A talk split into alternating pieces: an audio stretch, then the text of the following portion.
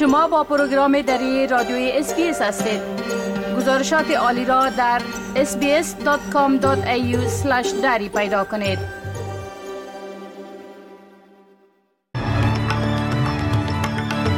با عرض سلام ما صاحب شکیب شما را به شنیدن مهمترین اخبار امروز سیوم ماه جنوری سال 2024 دعوت می کنم. ادامه باران شدید و افزایش تقاضای کمک در کوینزلند کارمندان ادارات حالات اضطراری را مصروف نگه داشته است. وزیر خارجه حکومت طالبان با نمایندگان کشورهای همجوار در کنفرانس در کابل دیدار کرده است. پس از کشته شدن سه امریکایی توسط گروه های تحت حمایت ایران در اردن امریکا می گوید که در صدد جنگ با ایران نیست.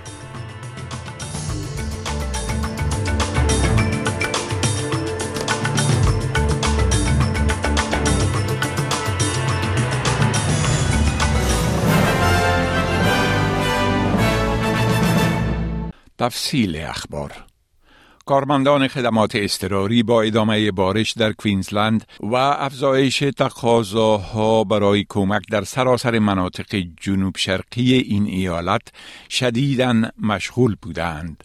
با بالا آمدن سیلاب در مناطق خلیج مورتون، سامرست، دره لاکیر و دارلینگ داونز آتش نشانان سیزده نفر را نجات دادند. دره سنفورد بدترین منطقه بود که سه هزار میلیمتر باران صرف در سه ساعت در آن بارید.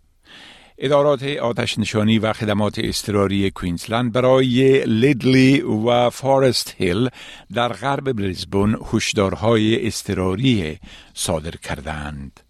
حکومت فدرالی می گوید که افزایش کمک مالی در مراقبت از اطفال مؤثر واقع شده است. گرچه کمیسیون رقابت و مصرف کننده ها دریافته است که مخارج مراقبت از اطفال از زمان آغاز این کمک اضافی سریعتر از تورم و دستمزدها افزایش یافته است. جیسن کلیر وزیر تعلیم و تربیه می گوید اقداماتی که حکومت در سال گذشته انجام داده مصرف مراقبت از اطفال را برای خانواده ها حد اوسط 11 فیصد کاهش داده است. اما او تصدیق می کند که گزارش کمیسیون رقابت و مصرف کننده های استرالیا در مورد بخش مراقبت از اطفال نشان می دهد که باید کارهای بیشتری در این زمینه انجام شوند. آقای کلیر می گوید این گزارش نشان می دهد که تعیین حد ساعتی برای کمک دولتی در مراقبت از اطفال کار نمی کند و باید به حد روزانه تغییر یابد. So there are a raft of different recommendations in the report. They also talk about what extra things we can do in places where there are no childcare centres. Now we're going to take those recommendations. We're also going to take the recommendations that we'll get from the Productivity Commission in a couple of months' time on what we need to do to build a universal early education system and respond to both of those reports at the same time. جناح مخالف حکومت فدرالی گفته است که آوردن تغییرات در مرحله سوم کاهش مالیات یک اقدام زیرکانه در آستانه انجام انتخابات فرعی برای کرسی دنکلی در ویکتوریا است. اما اعضای مستقل پارلمان می‌گویند که حمایت گسترده را از این تغییر مشاهده کردند زوی دانیل عضو مستقل پارلمان می‌گوید تا زمانی که شور و مشوره او جریان دارد موضع رسمی خود را در مورد این تغییرات حکومت اعلام نخواهد کرد. اما علاوه می کند که حمایت گسترده از این تغییرات در مرحله سوم کاهش مالیات حزب کارگر در حوزه انتخاباتی او وجود دارد. اما بریجت مکنزی سناتور حزب نشنل به چینل نو گفت که هدف از این تغییرات به دست آوردن آرا در انتخابات فرعی دنکلی به روز دوم مارچ است و در مورد این که حزب او از آن حمایت خواهد کرد یا نه باید جزیات بیشتری را در مورد آن ببیند. او گفت که این تغییرات به هدف کسب آرا در حوزه انتخاباتی دنکلی انجام می شود.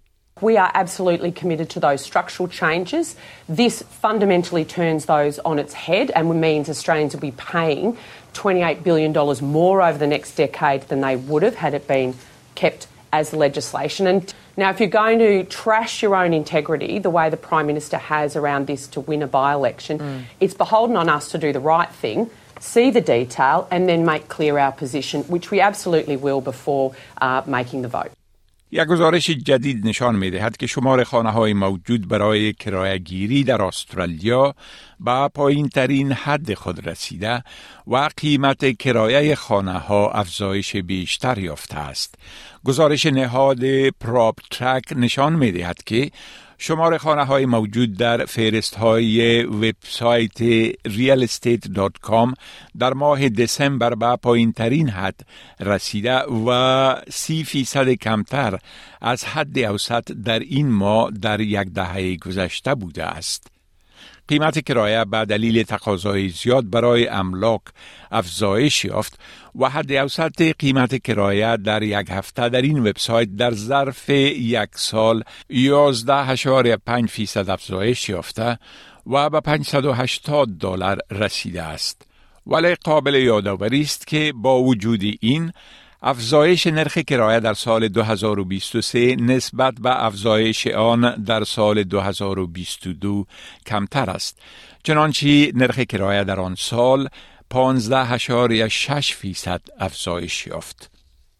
یک کنفرانس تحت عنوان ابتکار همکاری منطقوی افغانستان به میزبانی امیرخان متقی وزیر خارجه طالبان و با شرکت نمایندگان خاص کشورهای روسیه، چین، ایران، اندونزیا و همچنان نمایندگان چند کشور همسایه دیگر به شمول پاکستان و هند در کابل برگزار شد.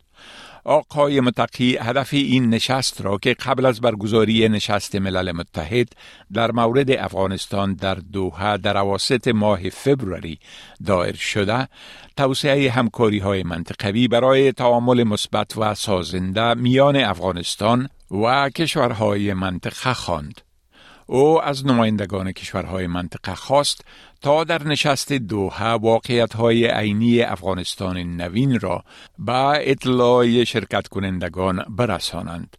او افزود که افغانستان خواستار ناامنی و بیثباتی در هیچ کشور نیست و سیاست حکومت طالبان در جریان کمتر از دو نیم سال گذشته نشان داده که افغانستان نوین منافع خیش را در منطقه در یک چارچوب همکاری دراز مدت می داند. وزیر خارجه طالبان در این نشست احترام گذاشتن به ساختار کنونی حکومت و حکومت داری افغانستان را تقاضا کرده و افزود که تجارب گذشته نشان داده که نسخه های حکومت که از بیرون وارد افغانستان می شوند کارایی ندارند. پس از کشته شدن سه سرباز امریکایی و زخمی شدن ده تن دیگرشان توسط یک گروه تحت حمایت ایران در اردن حکومت ایالات متحده امریکا می گوید که در صدد جنگ با ایران نیست. سابرینا سینگ سخنگوی وزارت دفاع امریکا می گوید حداقل چل پرسونل دفاعی در این حمله مجروح شدند اما این تعداد ممکن افزایش یابد. او گفت معلوم است که چی کسی در عقب این حمله تیاره بدون سرنشین بوده است. This is an IRGC backed uh, militia. Uh, it has the footprints of Katab Hezbollah, um, but not making a final assessment on that. Um, our our teams here are continuing to do the analysis, but we know that um, Iran is behind it. Iran continues to arm and equip these groups to launch these attacks, um, but we certainly don't seek a war, and frankly, we don't see Iran wanting to seek a war with the United States. پاکستان و ایران گفتند که حاکمیت و تمامیت ارزی همدیگر را احترام کرده و همکاری امنیتیشان را تقویت خواهند کرد. این در حال است که نیروهای هوایی این دو کشور در همین اواخر به داخل قلمرو یکدیگر رفته و حملات همراه با تلفات را انجام دادند. هر دوی این کشورها گفتند که هدف این حملات گروه های تروریستی بود که خطر را متوجه امنیتشان می سازند. همین حملات باعث گردید که جلیل عباس جیلانی سرپرست وزارت خارجه پاکستان در اسلام آباد با همتای ایرانیش حسین امیر عبداللهیان دیدار کرده و در مورد این موضوع صحبت کنند. آقای جیلانی در یک نشست خبری مشترک با آقای عبداللهیان گفت که تهران و اسلام آباد با هم دیگر چینل های قوی اطلاعاتی دارند که از طریق آنها می توانند همه مشکلات و سوی تفاهمات را که بین دو کشور پیدا می شود با سرعت حل کنند. وزیر خارجه ایران گفت که هر دو کشور درک خوب داشته و هیچ زمان با هم اختلاف عراضی و نزاع نداشتند.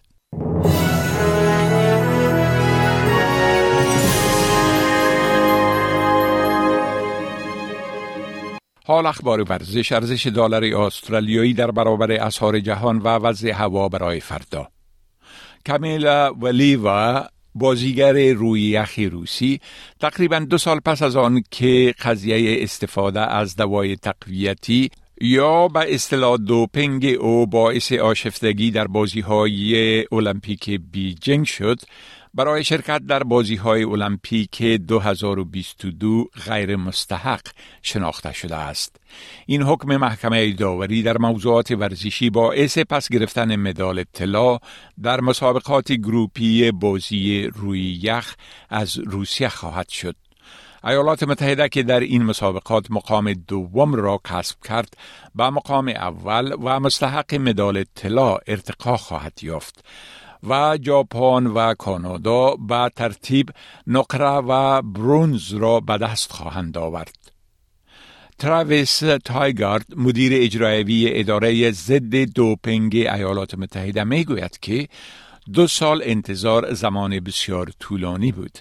ارزش یک دلار استرالیایی در بازارهای تبادله اسعار معادل تقریبا 49 افغانی 66 سنت امریکایی 61 سنت یورو و 52 پنس بریتانوی می باشد. و حال پیشگویی هوا در شهرهای عمده استرالیا برای فردا.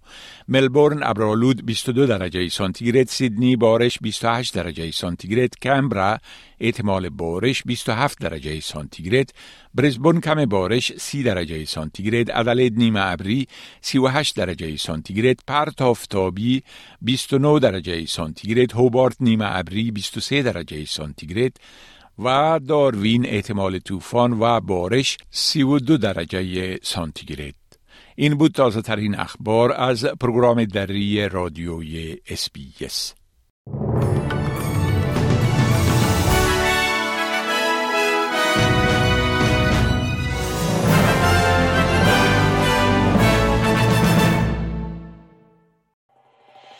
می خواهید این گونه گزارش ها را بیشتر بشنوید؟